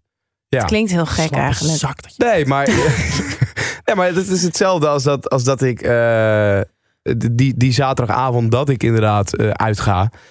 Ehm, stel dat ik zou eh, nuchter zijn, dan zou ik diezelfde zaterdagavond zou ik geen, geen kapsel of geen, geen Turkse pizza nemen, weet je wel? Of geen frikandel of een patatje. Hmm. Zou ik niet doen.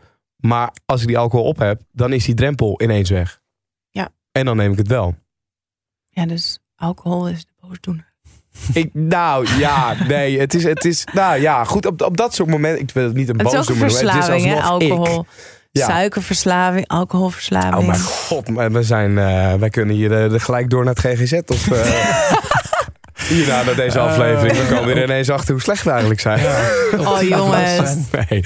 Maar, maar Rent, wat ik wel benieuwd naar ben. Hè? Jij, Ja. jij hebt nu eh, vier boeken uitgebracht. Ja? En er Vijf. zit eh, vijf, sorry. Oeh. Oeh. Dus jouw laatste boek, eh, Mijn Lifestyle Guide, die is net, Mhm. eh, die is net nieuw. Ja, Ehm, en eh, jouw eerste boek, dat zit zo ongeveer vier jaar. Heb ik dat Ja. wel goed? ja, ja. Ja, oké. Ehm, wa- zit daar verschil tussen? Tussen de, de persoon die jij eh, nu bent en de persoon die jij vier jaar geleden was? ja. Met qua, ook qua, qua voeding? Eh, nee, niet qua voeding. Maar wel qua lifestyle dan? Ja, business-wise, denk ik. Ja? Ja, ik heb natuurlijk wel eh, een, eh, een business opgestart. En ehm, daar heb ik heel veel geleerd. Dus daardoor krijg ik meer zelfvertrouwen. Ehm, ik ga naar meetings en dat doe ik dan zelf. Ik heb geen management. Dus ehm, ja, dus daar ben ik wel krachtiger en sterker in Mhm. geworden. En ehm, ja, en ook wel natuurlijk wel met de jaren word ik wel zekerder van mezelf. Ik stel me wel Oké. ook kwets- kwetsbaar op en ik ben onzeker over mijn lichaam. Net als iedereen. Ehm, maar ik ben meer tevreden. En eh, ja, ik, ik heb liefde voor mezelf. En ik denk dat dat heel belangrijk is. En daardoor ook makkelijker keuzes kan maken. Hoe heb je die liefde voor jezelf gevonden? Ik wil dat ook. Ehm, ja, dat is een, wel een lastige vraag. Dat staat in mijn boek. Nee. dus, dus ik denk dat het te maken heeft met ehm, het accepteren wie je zelf bent. Dus voor de spiegel staan en jezelf zien. Wauw, ik ben Rens en ik vind mezelf mooi. En, en dan jezelf goed aankijken. En ik denk dat het belangrijk is. Er zijn altijd wel dingen die gewoon minder mooi zijn. Maar ehm, jezelf accepteren ik denk dat dat heel belangrijk is. En dat. Als iedereen zichzelf accepteert, niet te veel bezig is met die outside en de mensen om zich heen. Want je wordt wel vaak gebekritiseerd. En soms denk je dat je eh eh, gebekritiseerd wordt, terwijl het helemaal niet het geval is. Ehm in je stem, stemmetje in je hoofd. Oh, die denkt waarschijnlijk dat ik eh, dikke billen heb. Of die, hè, dat, dat, dat ik niet mooi ben. Ehm, dus ik denk die zelfacceptatie, ik denk dat dat het belangrijkste is. En dat we daardoor ook andere mensen kunnen helpen. En ook liever voor andere mensen kunnen zijn. Dat zou heel fijn zijn als dat eh, Ja. zo doorvloeit eigenlijk. Maar het is wel grappig, want wij hadden twee weken geleden hebben wij samen een workout gedaan. Ja. Er is een nieuw eh, yoga kanaal van Milou Terpijn eh, onthuld. En wij Ja. waren daar. En Het yoga gegeven- met Milou. yoga met Milou. En op een gegeven moment lagen we daar op de grond samen. Klinkt heel romantisch, maar Rens lag achterin en ik lag voorin. Ehm, en, Maakt toen, het allemaal nog erger hoor, trouwens. qua- Maar goed, prima, ga door. en toen, eh, toen Nog we- erger? Oké, dan wil ik straks even met jou hebben. Oh, oké. en toen op een gegeven moment moesten we onszelf gaan knuffelen. En eh, het grappige was, vooraf zeiden ze eigenlijk van ja, we willen het imago van yoga is wat, eh, eh, hoe noem je dat? Ehm, een beetje voor softies of eh, mensen met geitenwolle sokken. Dus ik ging heel voor, met heel veel vooroordeel er naartoe en erin. En op een gegeven moment lag ik daar op de grond mezelf te knuffelen.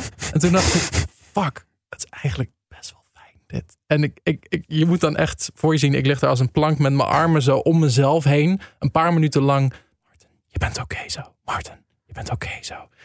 Ah. Dat moest je En het zeggen? Of dat, ja, dat zei ze je... wordt dan een soort van eh, begeleid van, nou, eh, omarm je ze. Het klinkt zo stom. En Ja. Ja. helemaal niks voor mij. Maar het werkte ik wel. werd wel En emotioneel. Jij? Had jij hetzelfde? Ja, zeker. Had je Ja, een jongens, soort kippenvelletje ja. op een Ja, gegeven het moment? is zo belangrijk. Ik denk, ik denk nog steeds dat dat het belangrijkste is. Ja. Om meer liefde in de wereld te creëren. Kijk, begrijp me goed. Hè. Ik, ik, heb, ik heb daar heel veel respect voor. Da- Ja. Dat is het niet. Maar ik zit jullie nu zeg maar, aan te kijken en dat te horen. En ik denk echt, nou, Maar kijk, Ja, wat denk jij? ik denk echt, dit is knettergek. Nee, ja, nee, nee, maar ik heb daar Kijk, respect voor. doe het Laat dat, doe het dat- eens. laat dat, Knuffel als ik jezelf nu eens. zelf Ja. mezelf... Oké, we gaan het gewoon doen. Nee, ja, maar Ja. dit, Ja. We gaan het nu een minuut doen. Dit kunnen we straks voor luisteraars doorspoelen. Maar we gaan het een minuut lang doen. En dan gaan we daarna bespreken wat er is gebeurd. We gaan on- onszelf knuffelen. Binnen. Drie, twee, één.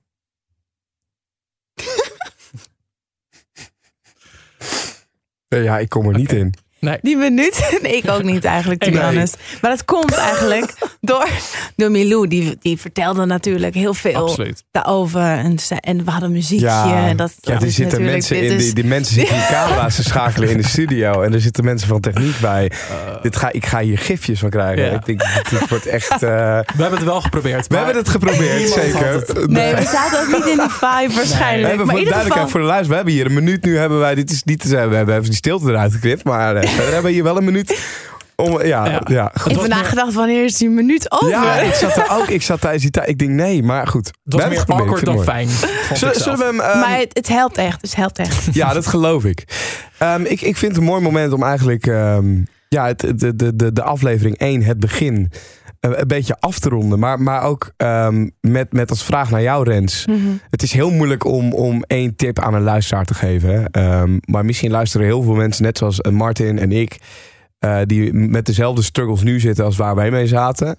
Ehm, of luisteren heel veel mensen eh, die, die zich heel erg kunnen vinden in jou, Rens, met een nieuwe lu- Heb jij een tip voor mensen die luisteren die gewoon, ik wil gezonder worden, ik wil fitter zijn, ik wil gewoon een goede versie van mezelf zijn? Koop er boek. Ja. Ehm, heel commercieel dit. Nee. Ehm, ik denk dat het belangrijk is dat je jezelf accepteert. Ehm, dat je bewust bent met alle handelingen die je doet. Ja.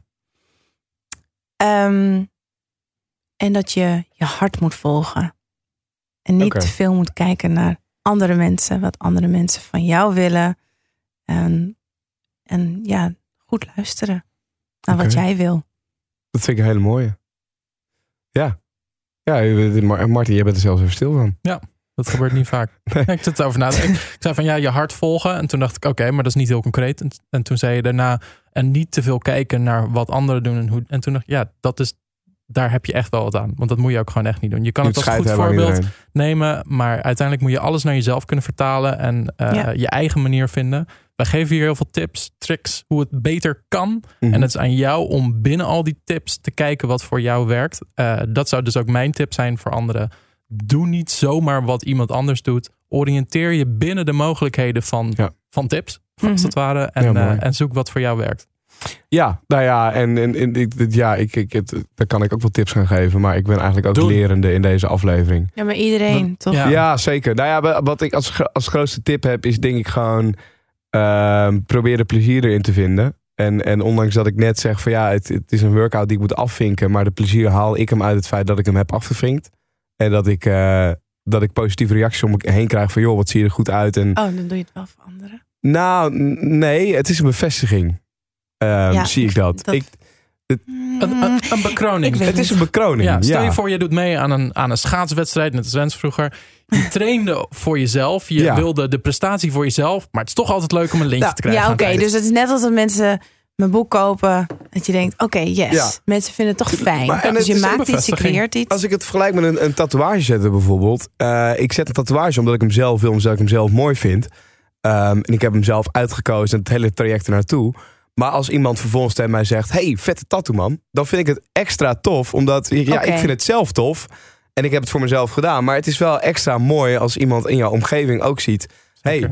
Oké, als je de- het maar voor jezelf doet. ook. Zeker, maar ik wil ook wel de tip erbij geven voor mensen die nu luisteren en die dat bij andere personen in hun omgeving zien. Geef hen ook die complimenten. Wees ook niet bang, want heel vaak Juist. zeggen ehm, mensen niks omdat ze zich een beetje bezwaard voelen. Van joh, Ja. ben je afgevallen? Dat betekent automatisch, was ik dik dan? Ja. Ehm, maar eh, zeg tegen degene, joh, wat, goed, wat zie je er goed uit? Wat, wat, eh, maar wat dat je? vinden mensen dat? heel moeilijk, omdat Ja. mensen het moeilijk vinden om zich kwetsbaar op te stellen en Zeker. daardoor complimenten te geven. Ja, maar en doe de dat Nederlanders vinden dat heel lastig, want ik, eh, ik Ja. woon in New York ook. En ja, om de haverklap, dan loop ik daar op straat en zeggen ze: Hey, nice shoes. Ja, dat I is love your hair. Ja, daarom hou ik En ook je van New denkt York. echt, ja. What? Ja, je is- hier word je zo gelukkig van. klopt. Doe dat. Kunnen dat is een nog hele goede tip. Vind ik echt heel goed. complimentenronde doen. Ik vind dat zo leuk. Jij bent wel van de ongemakkelijke Ja. dingen Jongens, vandaag, hè? Ik hou dat vind ik wel. Laten we, Jongen, jongen. laten we onze gast eh, allebei een compliment geven. Nou, eh, Over- Rens. Over, Over ja, mij? Over wat? Over iets wat niet uiterlijk is. Oh, nou, Rens, ik eh, vond je een gezellige gesprekspartner en een eh, grote inspiratiebron.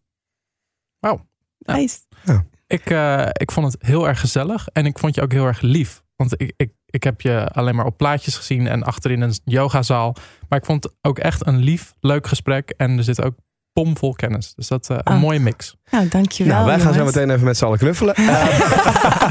Ehm, ja, dankjewel Rens nogmaals voor het, voor het komen naar de studio, voor dit Zeker. mooie gesprek. Eh, wij gaan eh, verder met, met deze podcast Gezond Verstand.